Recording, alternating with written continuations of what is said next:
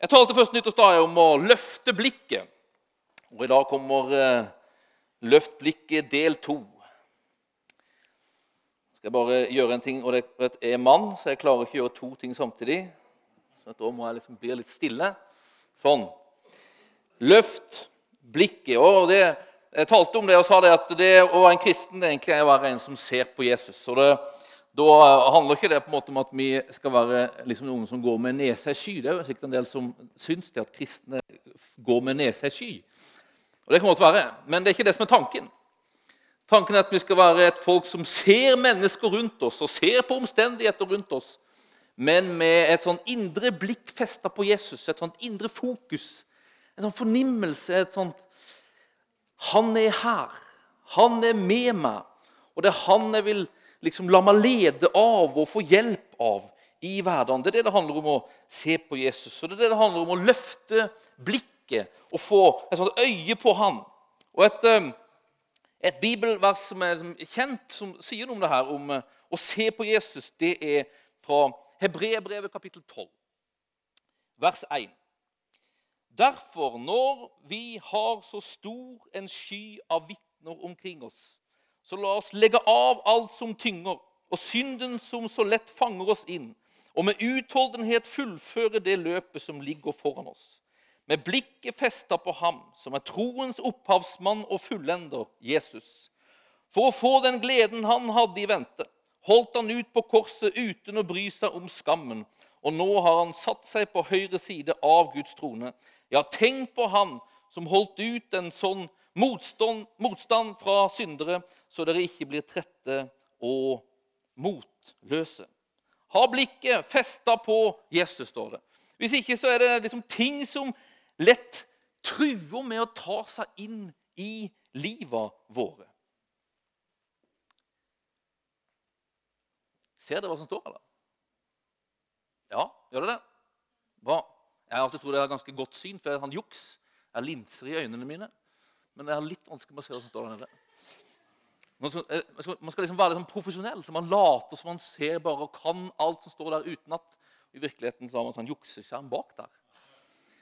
Men, men eh, fest blikket på Jesus, hvis ikke så er det ting som truer med å ta seg inn i livet vårt. Det er egentlig det det står her i Hebrebrevet. Det som tynger, tar seg lett inn. Og det som tynger, det er sånn som bekymring. Det er sånn som ser for tungt ut, som ser for vanskelig ut, eller som ser umulig ut. Synden, står det. Det er det som, som, lokker oss. Det er det som er vår egen vei. Det er selvopptatte, selvsentrerte, litt sånn egoistiske. Skammen, står det. Det er det som ser ned på oss sjøl. De her tre tinga peker det på her i hebreerbrevet. De her tre tinga, sier den. Hvis de liksom får snike seg inn i livet vårt, så blir vi trøtte. Så blir vi motløse så holder vi ikke ut. Ja, det blir liksom litt sånn håpløst i livet våre. Jeg var inne på det her forrige gang. Jeg var inne på, på det her med motløshet sist gang. Men jeg tenkte jeg skulle fortsette litt på det. da. Tale litt om den første av de her tre tinga, nemlig det som tynger oss, det som bekymrer oss, det som ser tungt ut, det som ser vanskelig ut, det som ser umulig ut. Hva er de tinga som tynger våre liv? Det kan jo være veldig forskjellig. Og Tar vi en intervjurunde her, så kommer det sikkert like mange svar som det fins mennesker her. Det kan være sykdom, det kan være økonomi, det kan være praktiske utfordringer vi står i. Vi behøver kanskje en jobb, vi behøver en løsning på et stort problem. Vi behøver ting som behøver å løse seg. Så mye at det tynger oss. Akkurat nå er min største byrde mine barn. Vi har ting liksom blant hos barna våre som, som er utfordrende. Jeg, merker det at det lett henger seg på som noe som tynger. Jeg har mine ting, og du har dine ting. Hebreerbrevet oppmanner oss til det. Legg det av deg, for ellers så gjør det deg trøtt og motløs. Ellers gjør det at du gir opp. Og jeg merker gang på gang må jeg, må jeg komme dit at jeg måtte legge det av meg legger det til ham. Hvis ikke så sniker denne motløsheten og nærmest håpløsheten seg på. Og det å oppleve ting som håpløst, det å ikke oppleve at det er håp Vet, Få ting suger så mye styrke ut av oss som akkurat det. Bruker å si det her at så lenge det er liv, er det håp. Men egentlig så er det egentlig nesten det motsatte i virkeligheten. Så lenge det er håp, er det liv. Håpet er utrolig viktig. At ikke håpet forsvinner. For at Uten håpet så forsvinner faktisk mer og mer livet. Uten håpet så forsvinner gleden. Uten håpet så forsvinner lyset mer og mer av livet vårt. Det blir mørkt rundt oss. Håpet er faktisk utrolig essensielt og grunnleggende for livet våre. Og Jeg tenkte å tale om håpet. da. Jeg tenkte å tale om håp og det som håp er veldig nært knytta til, nemlig troen. Vi leste det her. At Jesus han er troens opphavsmann. Fest blikket på han. Han som er troens opphavsmann og fullender. Han er troens opphavsmann. Men han er faktisk òg håpets opphavsmann. Fordi at troen den kommer fra han. Men vet du hva? uten håpet så kan det aldri komme noen tro. Altså Troen springer ut av håpet. Hebrebrevet 11 og 1. Men tro er full visshet om det man håper. En overbevisning om ting en ikke ser, står det i 88-oversettelsen. Tro er altså en full visshet og en overbevisning om noe, og det noe, det er håpet. Så håpet er en forutsetning for å kunne tro.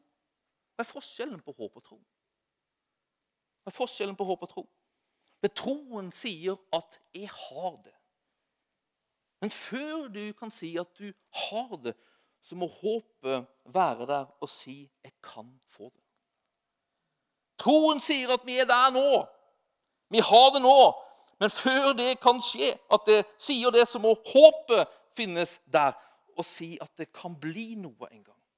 Vi kommer dit en gang. Vi kan få det en gang. Håpet det løfter blikket vårt. Det ser noe og fester blikket vårt der framme. Håpet er som at jeg ser en mulighet.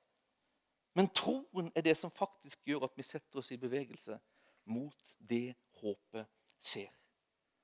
Fordi troen er en slags overbevisning om at det vi håper eller har håpet, det vi har sett der framme som en mulighet, det er faktisk tilgjengelig for oss her og nå. Troen sier vi har fått det, eller troen sier at vi skal nå gå inn i det og gå i retning av det som fins der foran. Og kanskje kan man si at Forskjellen på tro og håp det liksom ser vi i når eh, man husker at Jesus gikk på vannet. husker du det? Det var storm, og disiplene var der ute og rodde for, for livet. Og så ser de plutselig at Jesus kommer. Og så tror de at det er spøkelse, men så sier Jesus ta det med ro, ta det med ro, det er med. Og så kan vi se forskjellen på tro og håp. Du vet, Det var jo tolv disipler der, og elleve av de så Jesus gikk der. Og man kan tenke seg her at De elleve de, de fikk nærmest et slags håp. Dels fikk de håp om en redning. Her var redningen. Han hadde jo redda oss før denne Jesus. så her var redningen. Men så er det som at de fikk et håp. Det går et menneske på vannet. Menneskeheten kan gå på vannet. Det står ikke i Bibelen. Altså, bare tenker altså. altså, For et håp. Men de blir stående der. De aner en slags mulighet der som de ikke har sett før. Det er en mulighet der faktisk for at mennesker kan gå på vannet. Det er håpet. Det ser muligheten. Men det er liksom ikke nok liksom, overbevisning der, som man våger å ta steget. Men Peter er annerledes. Peter han liksom var for et håp, men så får han i tillegg liksom en overbevisning så sterk at tenker at nå kan mennesket gå på vannet. Ja, jeg kan gå på vannet her og nå. Så han en overbevisning foran at han faktisk handler på det. Når Jesus sier 'kom', så handler han på det. Fordi han tror det. Han er overbevist om det. Han er viss på det som han kanskje før Jesus sa kom, bare hadde håpet nå var en mulighet. Det er forskjellen på tro og håp. Men for at troen, liksom, den som setter oss i bevegelse, skal komme, så må håpet først oppstå i livet våre. Det får iallfall ikke forsvinne. Det er som at den onde han, han vil gjerne stjele vår tro. Men faktisk vil han òg gjerne stjele vårt håp. For uten at vi har håp, så kan vi aldri komme dit at vi tror. Så han vil ta håpet. Håpet er så dyrebart. Den er så en velsignelse. Det er, det er Jesus han er troens opphavsmann, men han er sannelig òg håpets opphavsmann. Gud er håpets Gud, står det. Hos Gud er det alltid håp. Alltid håp. Det er aldri håpløst, det er aldri kjørt. Det fins alltid en utvei, det fins alltid en løsning. Det fins alltid et lysglimt som han ønsker å komme med inn i våre liv. Han ønsker å løfte blikkene våre, at vi skal se på han. Midt i mørket. Midt i der som det motløse banker på, håpløsheten banker på, så sier han, 'Løft blikket, se på meg. Jeg er håp. Jeg har håp.' Jeg ønsker at det skal føre til tro, men nå begynner vi med håp. altså, det er den viktigste forutsetningen altså, for at tro skal liksom oppstå i livet vårt. Det er at håpet ikke forsvinner, og at håpet får oppstå og vokse til i livet våre. Et håpet det har et slags symbol man bruker. Har dere sett de her smykkene? Tro, håp og kjærlighet står det. Vet dere hvilket symbol som er håpet? Ankeret ankeret. Hvorfor er, liksom, er symbolet for håp ankeret? Hvorfor håpet det er på en måte det som fester oss ved noe. Vet du hva håpet liksom fester seg ved? Håpet fester seg ved det som kan bli. Som kan bli. Håpet fokuserer på det som kan bli, og vil feste seg ved det som kan bli.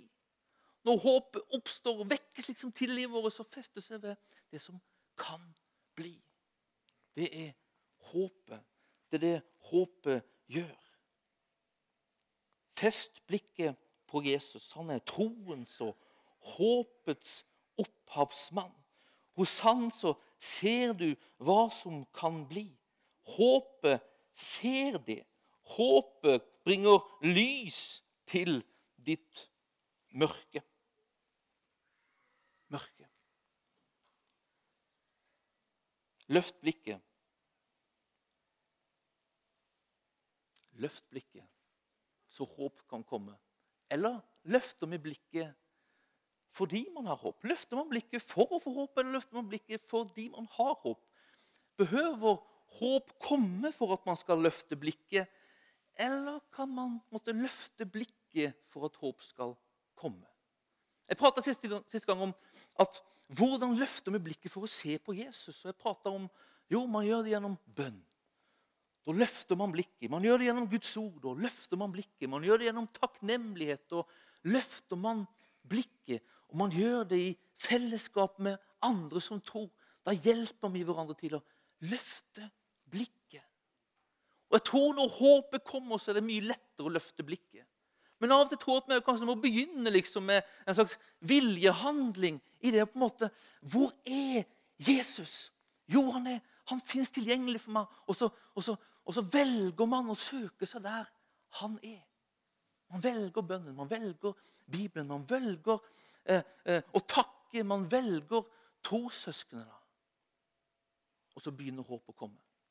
Vet, Jeg har en sønn som han, eh, han er gladere i å sove om morgenen enn det jeg er. Jeg er ganske glad i å stå opp tidlig på morgenen.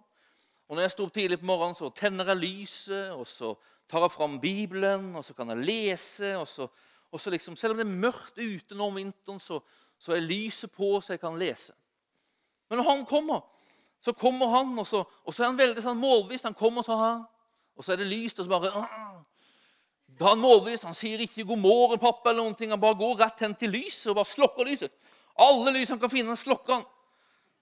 Vi må slokke lyset, sier han.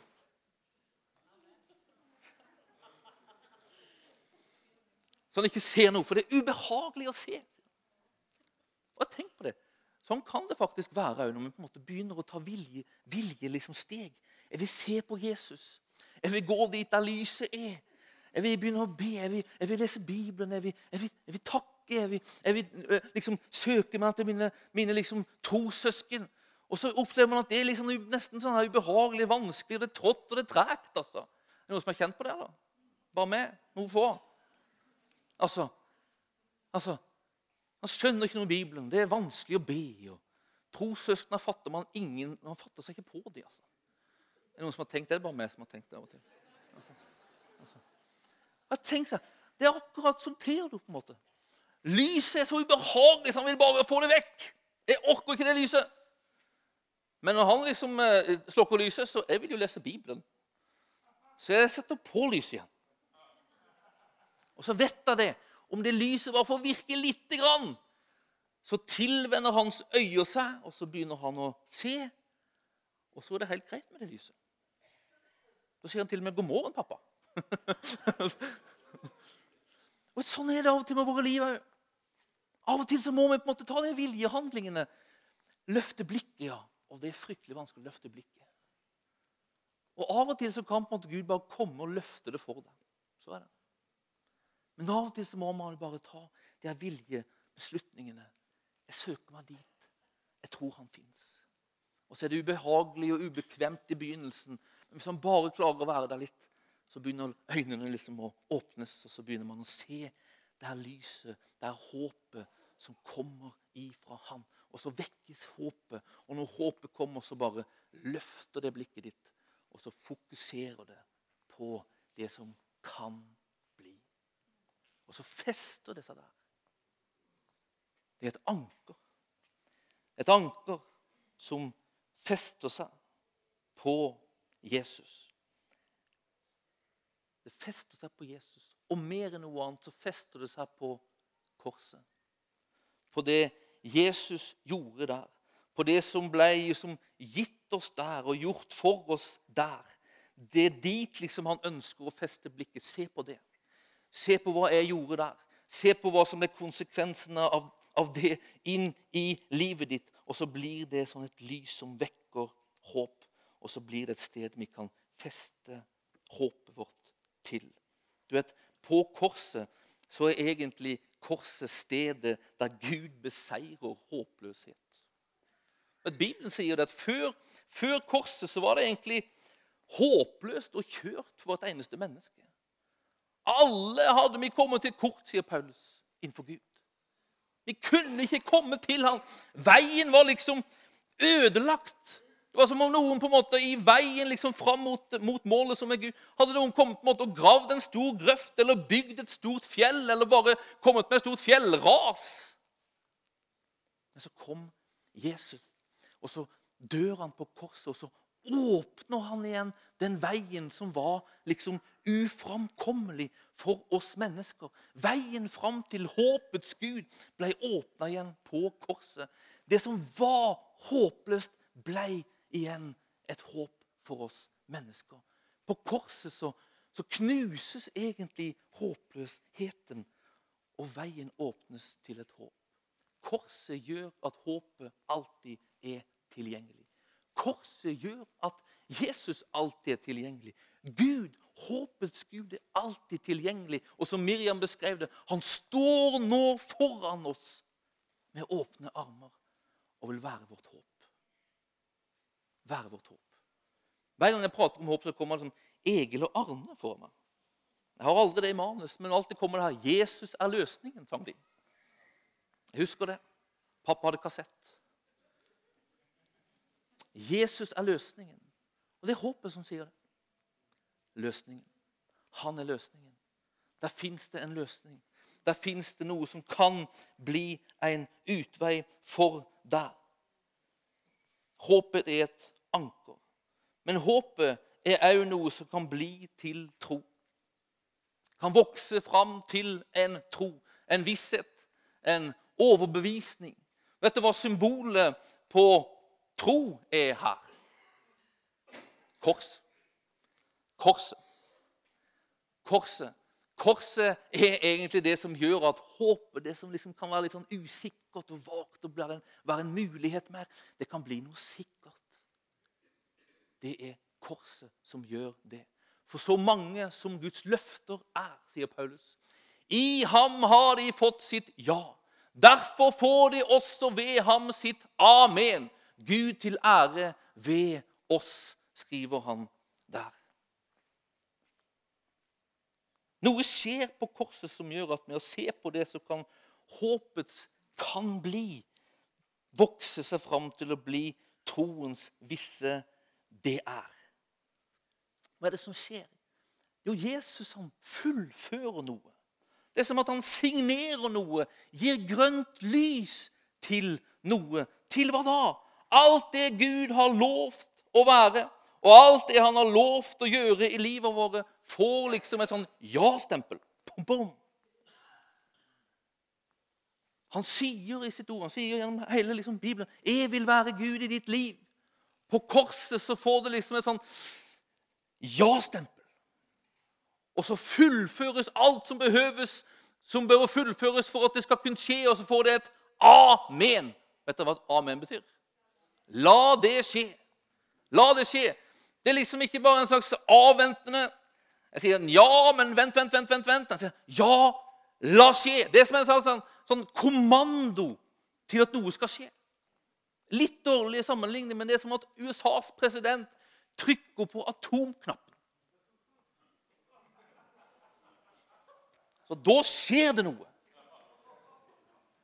Og selv liksom, liksom noen er imot, og alt sånt der, så kan de på en måte ikke hindre det, fordi at presidenten i USA har fullmakt til å trykke på den knappen, og da skal det skje. Jeg har sett på Madam Secretary. det er amen, altså. Det er amen, det er noe sikkert. Korset er hans ja til å være Gud i ditt liv. Du som var langt borte, du som var uten håp, du som hadde vendt ryggen din til ham. Du som tror at Gud har forkasta deg, gitt opp deg. Korset er Guds ja til du. Og så er det et ammen til alt han har lovt, og alt det han vil være i ditt liv. Så Bibelens håp er knytta til korset. Og det gjør at håpet kan vokse liksom til å bli tro. Fordi han har sikkerhetsstilt det. Kristne håpet er så sikkert at det kan bli til tro. En tro som kan handles på. Vet du, Jeg er veldig glad i fotball. eller? Noen som har hørt det? Og Jeg husker i Sverige, når jeg bodde i Sverige, så, så jeg alltid syntes fotball er verdens beste avkobling. Og du vet, I Sverige så var jeg mye engasjert i konferanser og sånn der. og da, da var det alltid på, på helga. Og for fotballinteresserte, og spesielt hvis man er interessert i engelsk fotball, så er lørdag klokka fire nærmest sånn litt sånn hellig tid. Spesielt var det det før, for da var det på en måte liksom da det var kamp. Når jeg bodde i Sverige, så, så, så var det sånn jeg elska å benke meg lørdag klokka fire. Da hadde jeg på en måte min høytidsstund. Da hadde jeg mitt lørdagsgodt. Jeg bodde hos min søster som hadde små barn. Og de fikk alltid lørdagsgodt til barne-TV. På svensk heter det, på Sverige heter det Bolibompa. Så når det var Bolibompa, da fikk de lørdagsgodt. Men onkel Vidar han spiste alltid lørdagsgodt før de. For jeg hadde min, min lørdagsgodt hadde lørdag klokka fire. Så det ble sånn utsagn, liksom. Fotballkampen klokka fire, det var onkel Vidars Bolibompa. For da hadde han godteri. Fikk høre det liksom, på bygda nesten, da, hvis det var en bygd. Ja. Men det var en gang, husker jeg, så, så var det, så var det eh, eh konferanse. og da, liksom, da, da, fikk jeg med meg den kampen klokka fire. Men akkurat den lørdagen så var det Leeds-Liverpool på Anfield Road. Og jeg er Leeds-fan, så jeg ville gjerne se den kampen. Men det var møte klokka fire, og jeg var liksom booka opp. Og det var umulig for meg å være hjemme og se fotballkamp klokka fire. Det var håpløst. Og det her var på en måte før, eh, det var før smart-TV og før nett-TV. Så det var ikke noe sånn at jeg kunne liksom bare gå inn på, på eh, liksom eh, nett og se den i ettertid. Det gikk ikke. Det var håpløst. Men så kom jeg på det. VHS-en. Jeg hadde en VHS-spiller. For dere ungdommer så er det en videospiller som man hadde gamle dager. Med store kassetter som man kunne spille inn ting på og se i ettertid. VHS-en. Håpet kom. Håpet kom. Men jeg visste på en måte at hvis, håp, hvis håpet skulle innfris så Det var en mulighet, men VHS-en stiller seg ikke på seg sjøl. Og så kommer på det Sandra. Hun er ikke involvert i det møtet klokka fire. Jeg ringte Sandra, forklarte situasjonen. og Hun som alltid er full av medfølelse. Så sier hun, så hun orda 'Jeg skal spille inn kampen'. Vet du hva som skjer med meg da? Da blir det som var et håp for meg, noe som kanskje kunne bli, det blir til en realitet. Før jeg har det, så bare vet jeg at i kveld når jeg kommer hjem etter kveldsmøtet, så blir det bolibompa. Da blir det Leeds Liverpool på Anfield Road. Jeg var så sikker, så sikker var at mellom møtene der på Arken så gikk jeg til Coop over veien og handla med en stor godtepose. Jeg handla som om det var liksom der. Som jeg hadde kampen tilgjengelig. som jeg var liksom... Det var der. Hvorfor da? Fordi håpet hadde fått en garantist. Det at VHS-en skulle settes på klokka fire, hadde fått en garantist. Sandra. Jeg hadde lært kjenne Sandra, og såpass visste jeg at når Sandra sa 'jeg skal gjøre det', så skulle hun gjøre sitt ytterste for at den ble spilt inn. Så jeg var helt overbevist om at den kampen den blir min. Og så jeg begynte på en måte å, å, å rette livet mitt etter det. Begynte å handle ut ifra at jeg hadde det. Det var en sånn overbevisning og sånn visshet om at håpet skulle bli innfridd.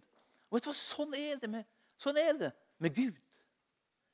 Korset er kilden til håp, men korset er jo garantisten. Han som dør på korset og sier ja, og sier amen til alt det han vil være i våre liv. Jeg mener, Hans ord er sikrere enn Sandras ord, til og med. Så hvis jeg kan bygge mitt liv på Sandras ord, jo mer kan jeg ikke bygge det på hans ord. Dette er et eksempel som peker på vårt forhold til Gud. Det peker på hvordan håp og tro hører sammen. Det peker på hvorfor vi skal løfte blikket og se på Jesus.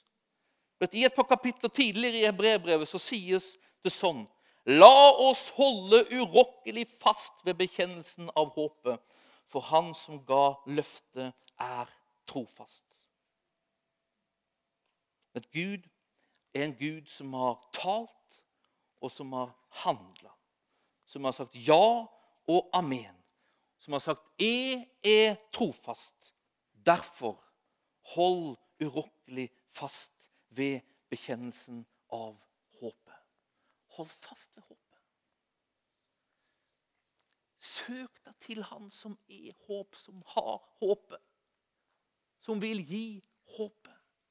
Og hold deg fast når håpet begynner å vokse til. Så hold fast ved det. Selv om det ser mørkt ut. Selv om barna liksom ikke vil som du vil alltid. Selv om utfordringene er der. Løsningen har ikke kommet ennå. Hold fast ved det. Se på han. La han få vekket kan bli i livet ditt. Og fortsett hold fast ved det kan bli et. Sånn at ut ifra det kan bli et, kan vokse seg fram en overbevisning, en visshet, en tro på at du har det. En sånn tillit, en sånn visshet, sånn at det setter deg i bevegelse. Den troen og den tilliten, den overbevisningen, den vissheten, den kan gjøre noe med din opplevelse. Du kan begynne å håpe at du har noe å takke for. Begynne å ane at det kan være ting å takke for i livet ditt. Fortsette å takke, og plutselig så opplever du erfaren reell takknemlighet midt i mørket. Du kan håpe at det fins en glede midt i sorg og depresjon. Holde tak i det håpet så lenge og så bevisst at ut fra det håpet kan det vokse seg en overbevisning som gjør noe med erfaringen din. At du begynner å erfare. Det blir så levende, så overbevisende, at du erfarer gleden i alle omstendigheter. Freden. Alt det Gud vil gi deg, kan bli en erfaring gjennom troen. Troen kan flytte fjell, sier Jesus. Alt er mulig for den som tror. Troen er utrolig essensiell og viktig. Men det grunnleggende under det, forutsetningen for det, er håpet. Hold fast ved håpet. Så kommer troen til å vokse seg fram gjennom det. Det er så lett det her at det som tynger oss, får blikket vårt til å senke seg. At det som det tunge sier, får rett i livet vårt. At eh, vi begynner å stille inn livet vårt etter det omstendighetene sier. At vi lar det vi ser rundt oss, begrense livet vårt, til og med styre livet våre.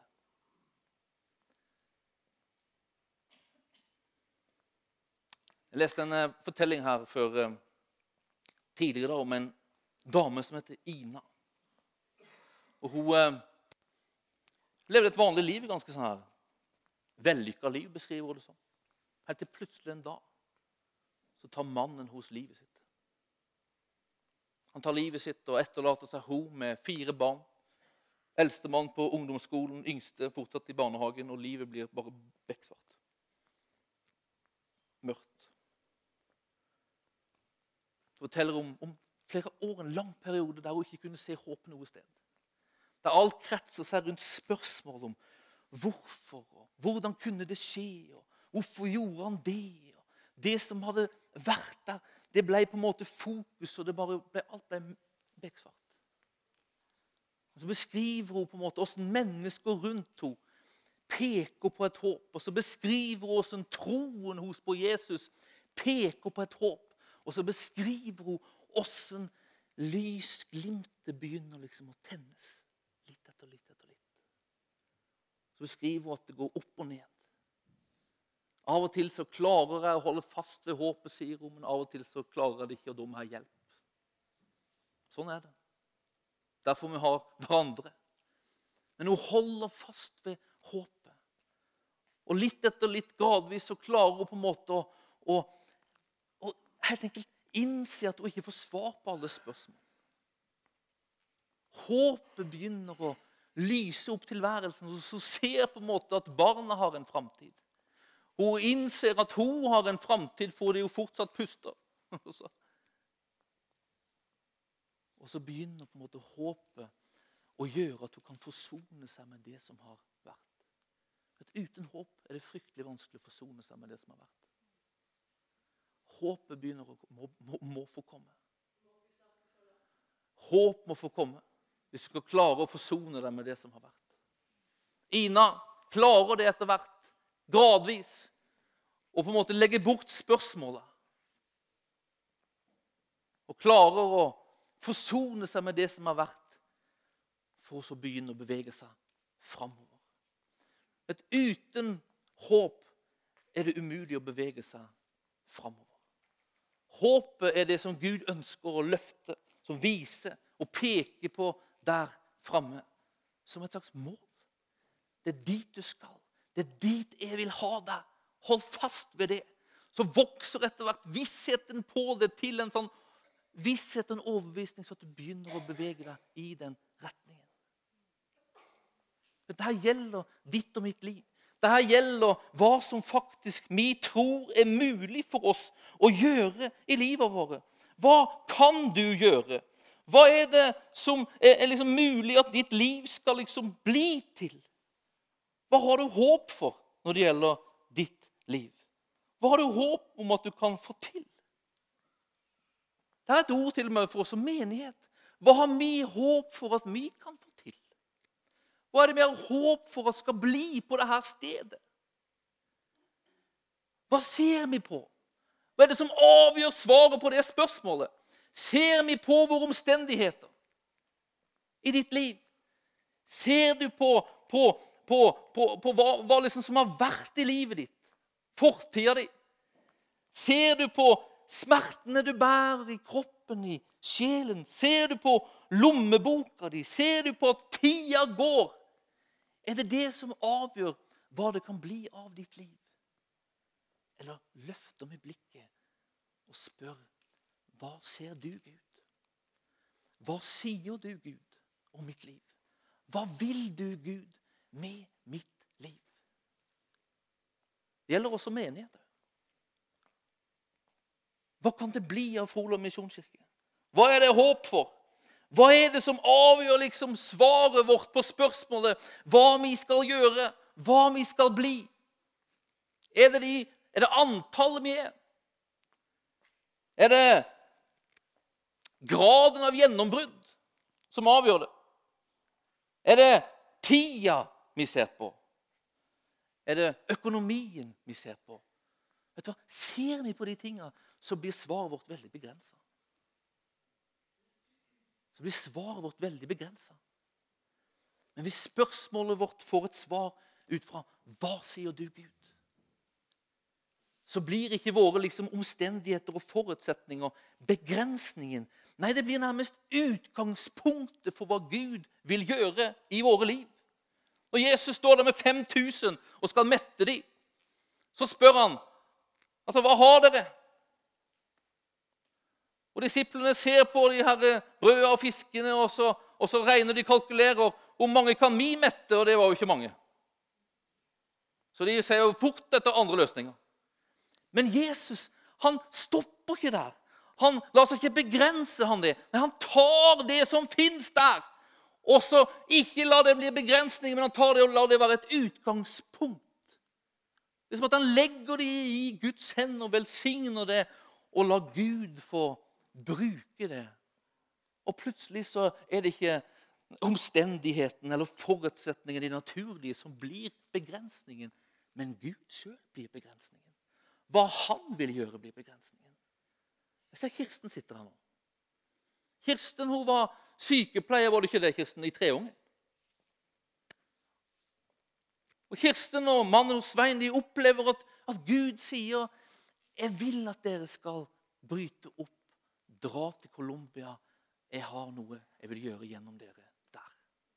Det er ordet. Det er nærmest det her håpet. Det er løftet fra Gud som han taler til de om. Vet du hva? Hvis Kirsten de hadde sett liksom på budsjettet sitt Her skal de si opp jobbene våre. Null inntekt. Hadde det blitt noe da hvis budsjettet fikk bestemme hva de skulle gjøre? Tageligvis ikke. Hadde de hørt på tidsånden? Det var sikkert sånn av i Treungen på den tida at nå var det på en måte, det var, det var det egne som skulle bygges opp. Det var liksom hus og heim og hytte på fjell og hytte ved vannet. sikkert sånne ting.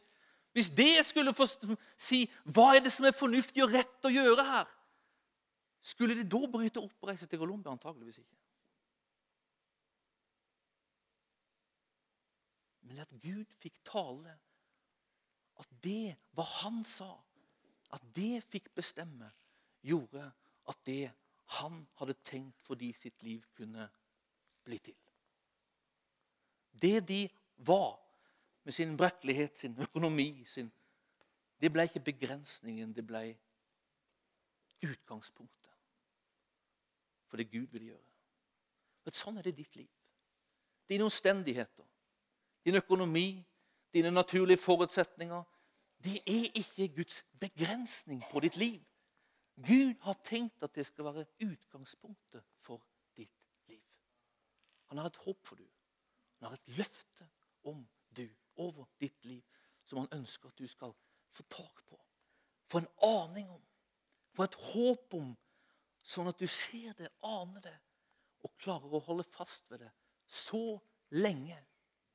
Sånn at det vokser fram. Ikke bare et kan bli, men et det skal bli. Det kommer å bli så mye at du beveger deg inn i det. Håpet. Gud ønsker å tenne håp. Gud ønsker at håpet skal liksom leve iblant oss. I ditt liv og i vårt liv som menighet. Og han ønsker vi skal ha blikket festa på det så lenge, sånn at håpet vokser fram til en tro. Så at håpet blir til tro som setter oss i bevegelse. Tida mi er omme.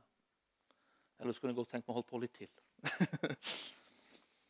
Men håp og tro det er utrolig essensielt for livet vårt, for eksistensen vår men òg for det kristne livet, for at det skal bli det som Gud har tenkt at det skal bli. Amen. Amen. Jeg tenkte at vi skulle gjøre noe veldig konkret. Derfor at det her med ting som tynger oss, det er så utrolig vanlig. Og som jeg sa, det fins ting i mitt liv som, som tynger. Som banker på og vil inn i livet mitt for å helt enkelt nesten altså skape håpløshet og trøtthet. Ting som tynger. Men Herren sier så her til oss Legg vekk det som tynger. Hvor skal vi legge det? Vi skal legge det hos ham. Legge det ved korset. Han ønsker at vi skal legge det der. Men når vi legger ting hos han, så gir man han tiltrede til det.